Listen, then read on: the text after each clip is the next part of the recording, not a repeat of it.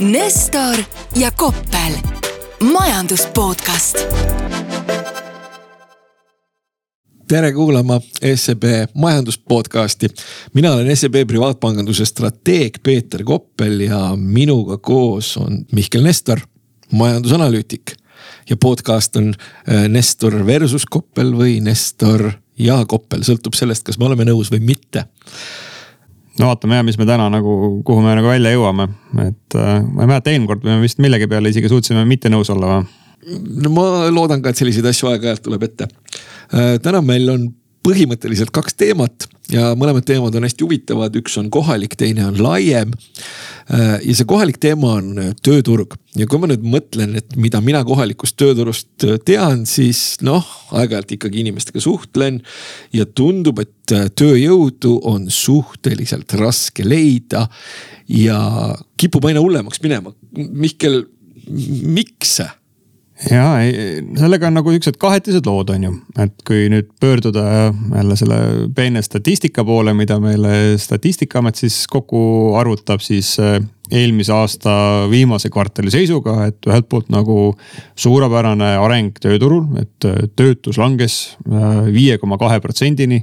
kui mina siin Eesti majanduse jaoks prognoose teen, et no mina lootsin, et midagi sellist võiks juhtuda siis parimal juhul kuskil selle aasta teises pooles aga äh, samal ajal, kui sa vaatad, mis on toimunud tööhõivega, et see paranes meil siis äh, kuue koma seitsme, kuus, kuuskümmend seitse koma nelja protsendi juurest siis äh, viimases kvartalis kuuskümmend seitse koma kuue protsendini.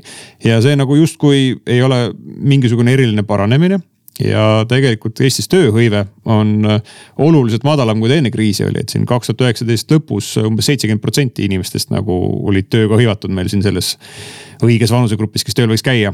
et siis põhimõtteliselt seda olukorda ei ole, et kõik, kes vähegi on võimelised ja tahavad tööd teha, et need tööd teeks jah, et mingisugune nagu müstiline seltskond tundub kadunud olevat, et kui sa hakkad seda nagu numbriliselt arvutama, et noh, umbes kaksteist tuhat inimest peaks olema see nagu hõivevahe selle kriiseelse ajaga, et äh, kes, kes kuhugi on siis nagu, ma ei tea, koroona meil nii palju nagu neid inimesi ei noppinud vähemalt äh, tööeas, et kuhu, kuhugi need on kadunud aga kuidas sellega lood on, et kui me mõtleme sellele, et meil rahvastik vananeb, et palju meil aastas üldiselt üldse neid äh, tööealisi inimesi vähemaks jääb?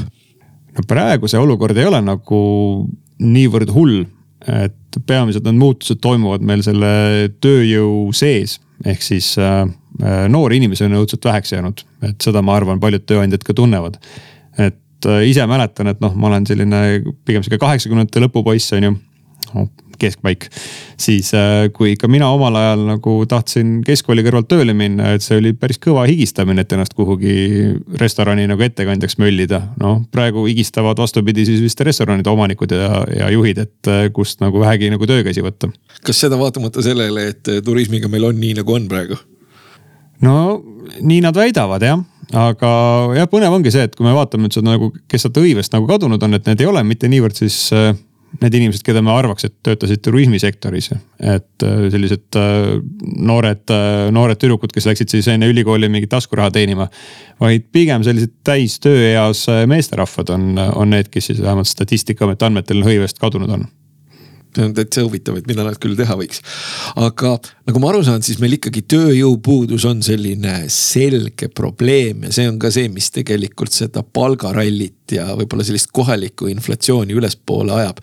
et kui sina oleksid nüüd see tegelane, kes saaks päriselt otsustada, siis mida sa teeksid selle probleemi lahendamiseks? noh, kõigepealt jah, et kui sa vaatad täna nagu neid äh, konjunktuuriküsitlusi, mis siis tehakse Eesti ettevõtete seas. et äh, sealt tuleb tõepoolest välja, et kõik suured sektorid tahaksid justkui nagu rohkem inimesi värvata. ja, ja eriti varmad ollakse seda tegema siis praegu ehituses ja töötlevas tööstuses, et kui nüüd õigesti mäletan, et töötlevas tööstuses polegi nagu ettevõtted nii optimistlikud olnud oma värbamisplaanides aga, aga ma ise olen nagu natuke skeptiline jah, et kui, kui palju nad tegelikult neid inimesi sealt nagu turu pealt kokku suudavad hankida ja.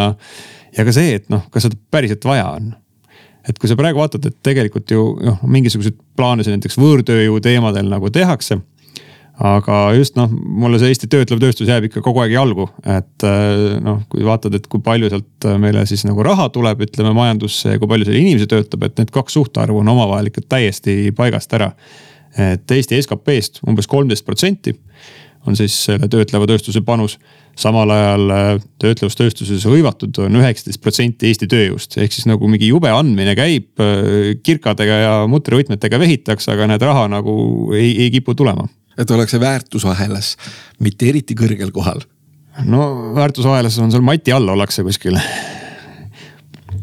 aga noh, selle poolest ongi nagu, nagu põnev jälgida, et mis siis nagu päriselt hakkab juhtuma, et mulle ka tundub, et selline nagu see ettevõtete väga optimistlik hinnang nagu värbamisplaanidele, et noh, tahetakse endale ikka nagu kaheksasaja euroga neid jukusid, kes tuleksid sinna nagu liini peale nagu rabama, aga, aga neid inimesi pole enam olemas. ja et kui neid jukusid ei leita, et mis siis ette võetakse, et kas toome siis seda Ukrainast neid või, või äkki mõtleme nagu edasi, et äkki on miskit mõistlikumat üldse ette võtta ja seal.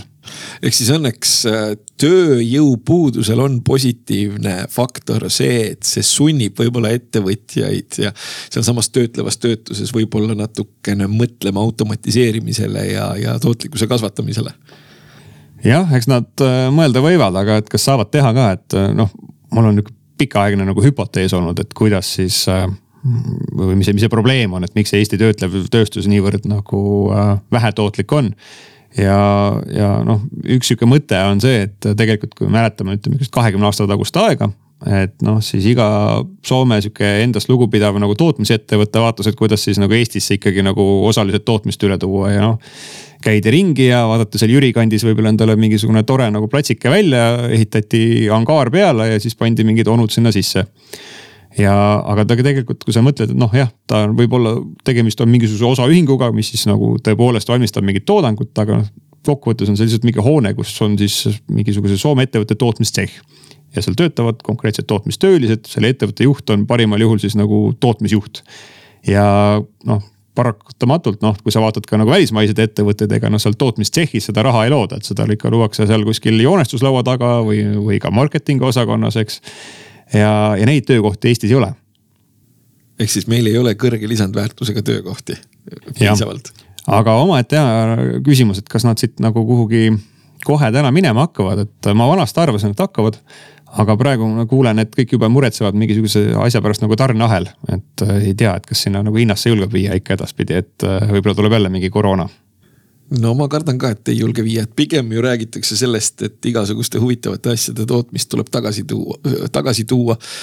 ja noh, muidugi see ei ole selles kontekstis positiivne uudis võib-olla tarbijale, et äh, noh, kui sa toodad tootmise kuhugi, kus on tööjõud kallim, siis on ka lõpptoodang kallim.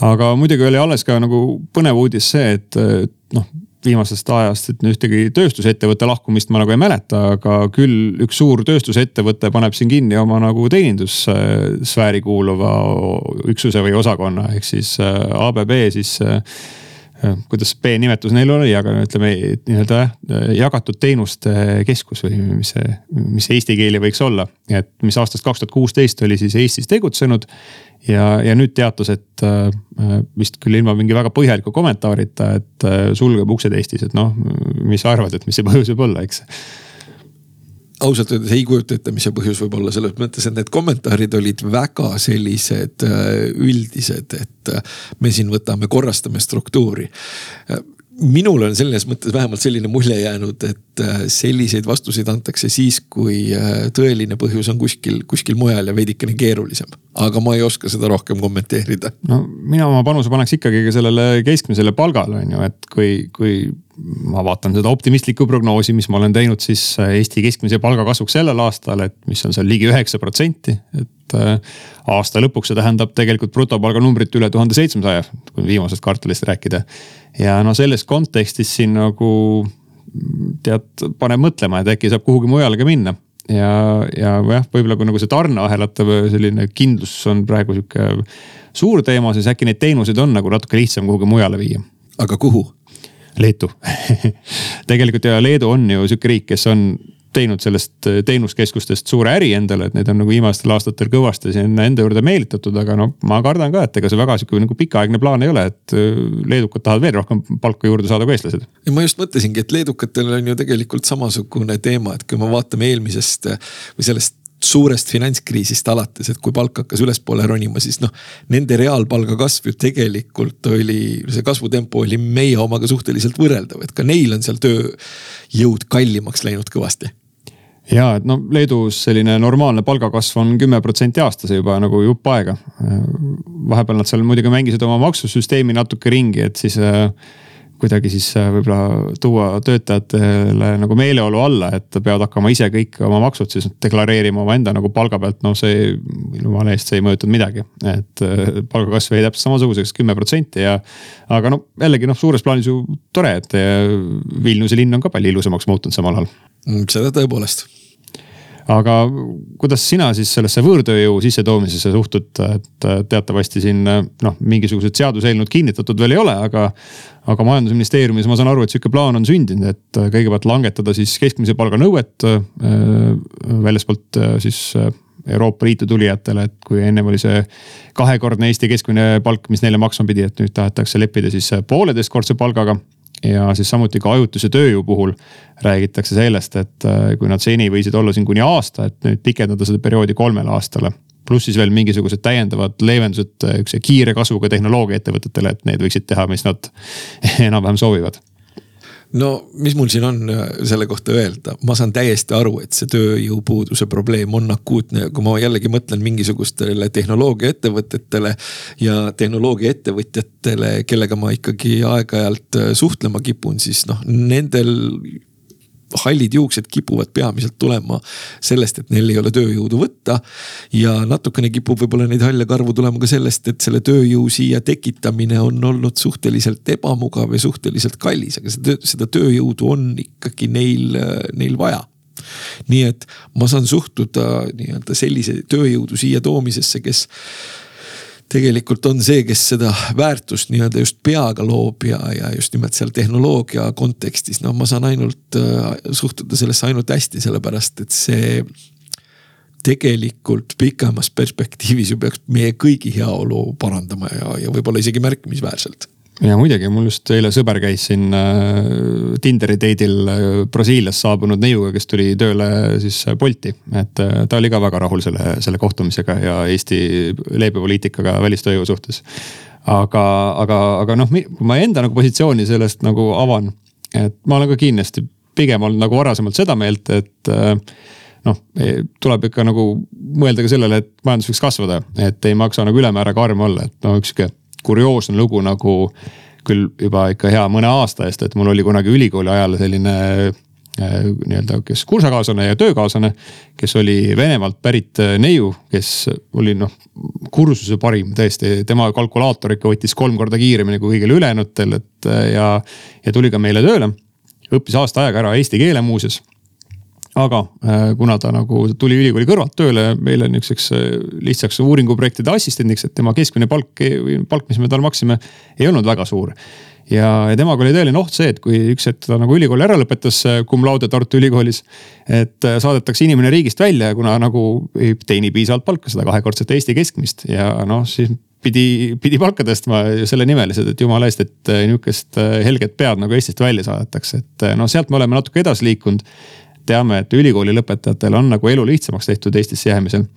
aga, aga nüüd teistpidi, et noh, näiteks ajutise tööjõu jäämine Eestisse nagu kolmeks aastaks. et noh, natuke võtab siis juba nagu ka nagu koort kratsima, et noh, kas on siis nagu ajutine tööjõud, et kui ma ise mõtleks, et ma olen nagu kolm aastat kuhugi. kuhugi riiki nagu panustanud, seal tööd teinud, et kas ma nagu tahaks tagasi minna või? no ilmselt mitte. jah, ja, ja, ja noh, ka suur mure on see, et tõesti, et seesama tööstus, mida ma siin kirun, et äh, noh, see pooleteistkordne keskmine palk seda siin muidugi natuke aega ikkagi päästab, aga, aga et me ei hakkaks nagu doteerima päeva lõpuks ka mingisuguseid selliseid eh, tegevusalasid, mis võiksidki siin nagu pikas plaanis eh, vähemalt uksed kinni panna. no näiteks? no mul ikka üks selline nagu tõesti äh, väga selge mälestus, mis mul jääb, et see oli muuseas vist Eesti kapitalil põhinev ettevõte küll, et kes siis äh, ka siin kuskil Jüri kandis äh, tehti mingisugust äh, saadet, kuhu meid saadeti siis nagu rääkima tööstusest ja meil oli lihtsalt sihuke võtteplatsiks oli seesama ettevõte. kus siis toodeti sisendeid Eesti sellele legendaarsele valmismajatööstusele, noh, kõik teevad Eesti palkmajad Norras, noh, vaatame ka neid kauneid iglusaunasid, et suurepärane. aga, aga see tehas oli siis omakorda te, tegi mingit tootmissisendit mingile teisele nagu valmismaja tehasele tootis liistusid, millega seal mingisugust asja kinnitatakse. ja oli selline suur betoonist hall, seal sees oli üks masin ja seal oli kaks onu ja üks onu pani ühest otsast sisse laua ja teine onu võttis teisest otsast välja viis liistu. ja päev otsa tegid sihukest tööd, no vot, see on nihuke töö, mis ma arvan, et võiks ära kaduda kas sellepärast, et seal olid need onud või sellepärast, et äh, noh, ütleme seda ju võiks peaaegu saada teoreetiliselt automatiseerida oluliselt rohkem või mitte, et saaks ühe onuga hakkama ja oleks ju okei okay, täitsa. ja mulle tundus ka ja, ja tegelikult, kui sa vaatad praegu muuseas, et äh, mis on toimunud, siis äh, töötleva tööstuse sellise laenamisaktiivsusega, et äh, viimastel siin kuudel on kõvasti hakatud laenu võtma ja noh, ma loodaks, et see ei ole mingisugune tead jõuluboonuse maksmiseks, vaid äh, ikkagi tehakse tõesti neid samu investeeringuid. ja, ja hakatakse nagu mõtlema selle peale tõesti, et kui sa enam nagu kaheksasaja euroga inimest ei leia, et äkki on nagu mõistlikum mingisugune vahva masin, kelle nimeks sa paned Juku endale tööle panna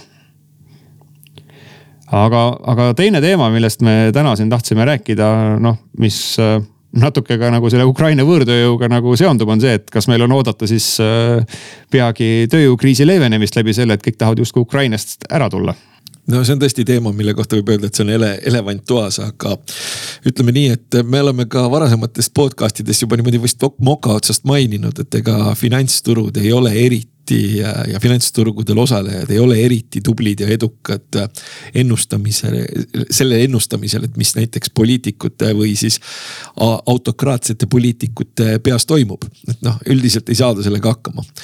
aga kui ma nüüd enne siia tulekut ja, ja võib-olla eelmise nädala jooksul vaatasin piisavalt palju seda, et mis võib-olla mingisuguses kontekstis analoogsete situatsioonide juhul maailmas ja turgudel juhtunud on, siis kipub olema niimoodi, et alguses ehmatatakse, siis rahunetakse ja siis minnakse edasi.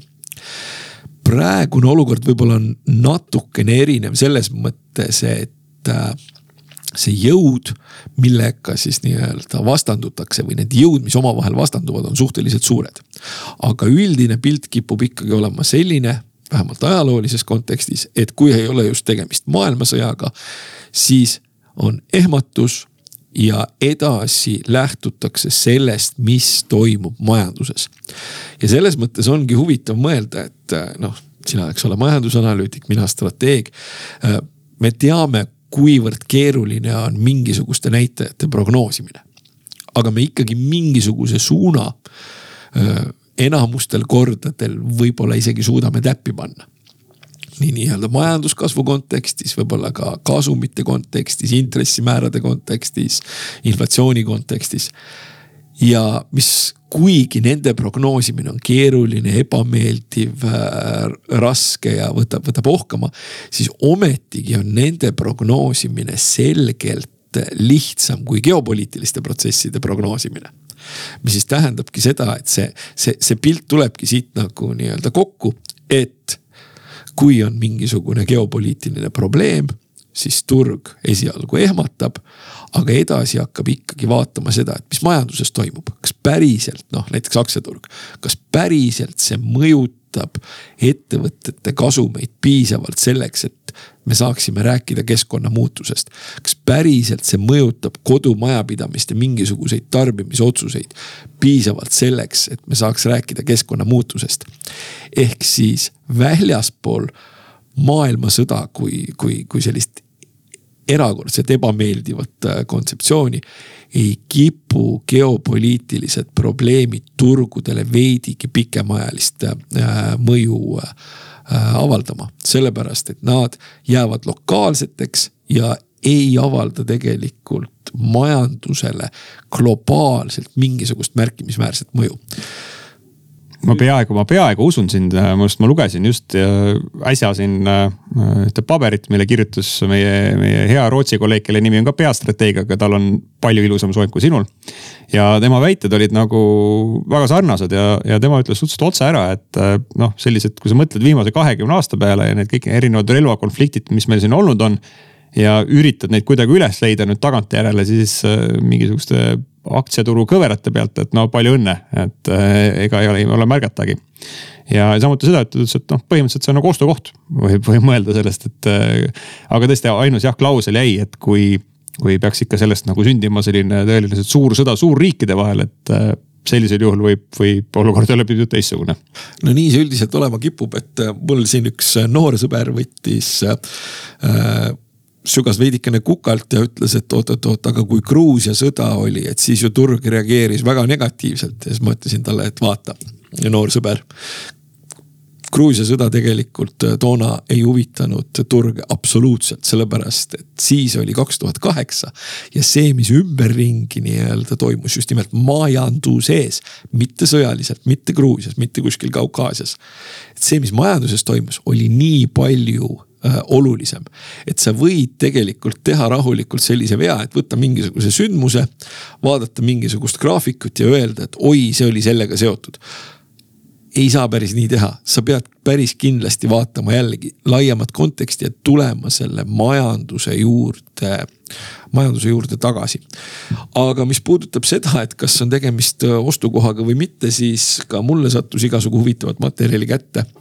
ja üldiselt äh, mulle sattus kätte selline graafikute komplekt, kus siis oli äh, pandud äh, indeksi peale mingisugune geopoliitiline, geopoliitiline kaldkriips sõjaline sündmus ja siis põhimõtteliselt oli suudetud alates äh, minu meelest Vietnami sõjast peale su, suutet, suudetud tekitada kas viis või kuus sellist äh, intsidenti. ja igale poole oli siis kirjutatud, et by the invasion, mis siis tähendab seda, et kui hakatakse moogeldama, et siis on ostukoht ja need majandusinimesed on vastikud küünikud, et see, et kui Donetski ja Luganski elanikud avaldavad siis aktiivset vastuseisu Ukraina keskvõimu riiklikule vaktsineerimispoliitikale ja soovivad saada nagu osaks või Venemaa kubermanguks. see ei huvita kedagi, et keda kõik ikka huvitab, et nagu mis majanduses toimub ja et mis intressimääradega saab ja. no niimoodi kipub olema paraku küll jah aga, aga millal siis nagu põhi käes on, kõik küsivad juba, et äh, iga päev on meil mingisugune volatiilsus. et peab ikka mingi mürsk kuhugi sisse lendama ennem jah jällegi erakordselt raske öelda, et millal noh, kui, kui me nüüd vaatame seda, et noh. noh, tehniline analüüs, nagu me oleme korduvalt öeldud, on astroloogia keskealistele meestele, meestele, siis.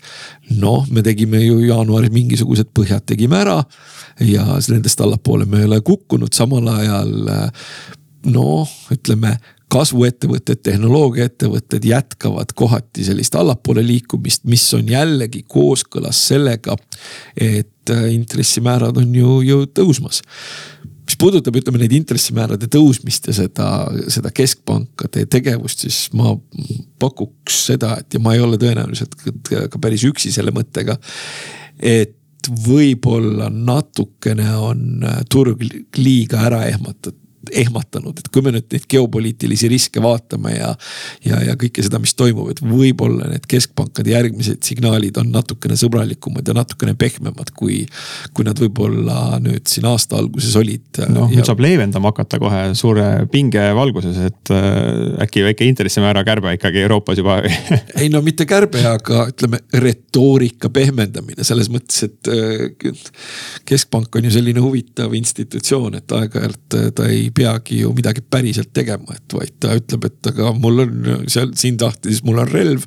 seal sahtlis mul on padrunid ja mul on siin sahtlivõti, noh ja kui kõik usuvad, et tal see relv seal sahtlis on. siis nad ju hakkavad vastupidi käituma, et võtavad kohe ennast noh, käituvad natukene korralikumalt.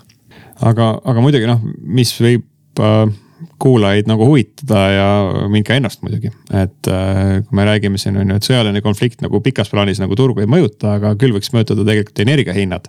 ja kui, kui Venemaaga ikka nagu peaksid need suhted siin väga nagu hapuks minema, et äh, siis energiahinnad Euroopale ikka mõjutavad päris märkimisväärselt ka nagu reaalmajandust, et äh, noh, see, see vaatenurk on päris põnev ju see vaatenurk on päris põnev tõepoolest, aga siin on ka selles mõttes võib-olla selline vastupidine aspekt, et praegu näiteks nafta puhul hinnatakse selleks riskipreemiaks, mis on barreli hinnas sees kümme, isegi viisteist dollarit, mis siis tähendaks seda, et juhul, kui probleem leiab mingisuguse lahenduse ja ei eskaleeru, siis vähim, vähemalt lühiajaliselt tuleb nafta hind allapoole. Ja nafta teatavasti on selline noh ütleme energiate energia, et kui nafta hind tuleb allapoole, siis liiguvad allapoole ka, ka ülejäänud energiakandjate hinnad. nii et seda on võimalik ka tegelikult teistpidi vaadata. kuigi noh, siin suured energiaeksperdid räägivad tegelikult viimasel siin poolaastal või nii ei ole tegelikult nafta ja gaasi hind, noh, ma ei saa öelda, et seal ei ole omavahelisi seoseid olnud, aga ei ole nagu käitunud päriselt nii, nagu ta ajalooliselt käitunud on, et äh, siin maagaas on ikka kuratlikult kallis olnud no siin on muidugi jah, tõesti need igasugused Euroopa spetsiifilised faktorid ja tõepoolest äh, on asi ka selles, et, et gaasikraanide juures, meie idanaabri äh, juures ei paista olevat ärimehed, vaid ikkagi rohkem poliitikud. Aga, aga jah, muuseas ma eelmine nädal sattusin kuulama jälle meil on äh, selles SEB grupis töötab üks selline norralasest äh, guru nimega Björn Schieldrop, kui ma ta nime oskan õigesti hääldada, et kelle nime võib siis umbes äh, üle päeva kuskilt Financial Timesist ja Bloombergist lugeda, et tegemist on ühe. ma arvaks, et Euroopa sellise kuulsama energiaanalüütikuga ja, ja tema sihuke seminar oli siis maagaasi hinna teemal just. ja, ja huvitav asi, mis tema ka välja tõi, tegelikult on see, et mida sina põhimõtteliselt ka mainisid nafta kohta. et tegelikult noh, kui ütleme nii, seal maailmasõda nagu ei järgne, tegelikult võib ka maagaasi hinda alla minna. et tema noh, ta tõi välja siukseid erinevaid nagu stsenaariume, et mida tema tõenäoliseks pidas. noh, tema selline põhipanus oli siis sellele, et noh, umbes säilib nagu sarnane olukord, nagu meil täna on ehk siis äh, noh, sihuke aeg-ajalt sealt mõned mürsud seal nagu üle piiri või kontrolljoone lendavad, äh, samas nagu mingit otsest nagu verevalamist äh, suuremat ei tule. ja, ja selline stsenaarium, kus siis ja jätkuvalt ka ütleme need sõjaväelised õppused seal piiri taga. aga et see pidi tähendama juba tegelikult seda, et maagaasi hind tuleb alla, et äh, turg on nagu pannud mingisuguse preemia sisse tõepoolest, aga nafta puhul noh, siin tuleb ikkagi ka arvestada seda, et seal on ju veel üks huvitav aspekt. Ühendriigid nimelt tahavad Iraaniga kokku leppida, et Iraanil on äh, plaan võtta või nad ikkagi hirmsamal kombel tahavad endale tuumarelva saada. Ja loomulikult. kes ei tahaks? no mina isiklikult näiteks ei tahaks aga noh ütleme, et kui Lähis-Idas kellelgi veel tuumarelv on, siis see ei ole üldiselt äh, just kõige parem retsept, sellepärast et nad on seal natukene, natukene sellisema närvilisema päästikusõrmega küll. ja Ühendriigid üritavad tekitada olukorda, kus nad saavad Iraaniga kokkuleppele, et Iraan võtab oma tuumaambitsioonidest äh, loobub ja siis äh, selle eest saab rohkem globaalsel turul naftat müüa ja see pakkumise pool võiks siis ka tegelikult äh, nafta hinda veidikene, veidikene allapoole tuua. muidugi see struktuurne probleem, et äh, uutesse tootmisressurssidesse pole olnud võimalik äh, tükk aega investeerida või seda pole tehtud, et see jääb taustale ikka, nii et, et risk nafta hinna ülespoole liikumiseks veidikenegi pikemas perspektiivis on selgelt suurem kui allapoole liikumiseks tuumarelva ma tahaks sellepärast, ma arvan, et selle nagu turuhind siin on võib-olla praegu on hea spekuleerida sellega, et ma arvan, et see hind, hind kasvab praegu. aga, aga teine asi, mille hind tavaliselt kasvab äh, sel ajal, kui nagu äh, kardetakse konflikte, on äh, kuld. sul on alati mingisugune tore ütlus, mis sa nagu, mis sa räägid seal kuskil seminaridel, et kui ostad kulda, et siis osta juba nagu konserve ja kaheraudne ka, aga samas ma tean, et Eestis siin mingid jäägrid juba varuvad endale nii kaheraudseid kui konserve, et kas siis ka peaks kulda varuma? Vot sellega on tõesti nii, et see kehtib füüsilise kulla kohta. et kui sa põhimõtteliselt mõtled asjade untsu minemise nii-öelda võimaluste spektrit, siis selleks, et füüsilisest kullast sulle kasu oleks need asjad peavad untsu minema väga spetsiifiliselt.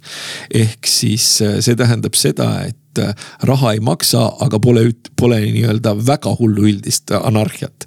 kus siis tõepoolest oleks kasulikum omada juba äh, padruneid, äh, konserve ja siis veel ka nii-öelda kohta, kus peidus olla. et siis see on selline väga kitsas, sihuke väga pisikene nii-öelda võimaluste aken, kus siis see füüsiline kuld tegelikult äh, toimida võiks.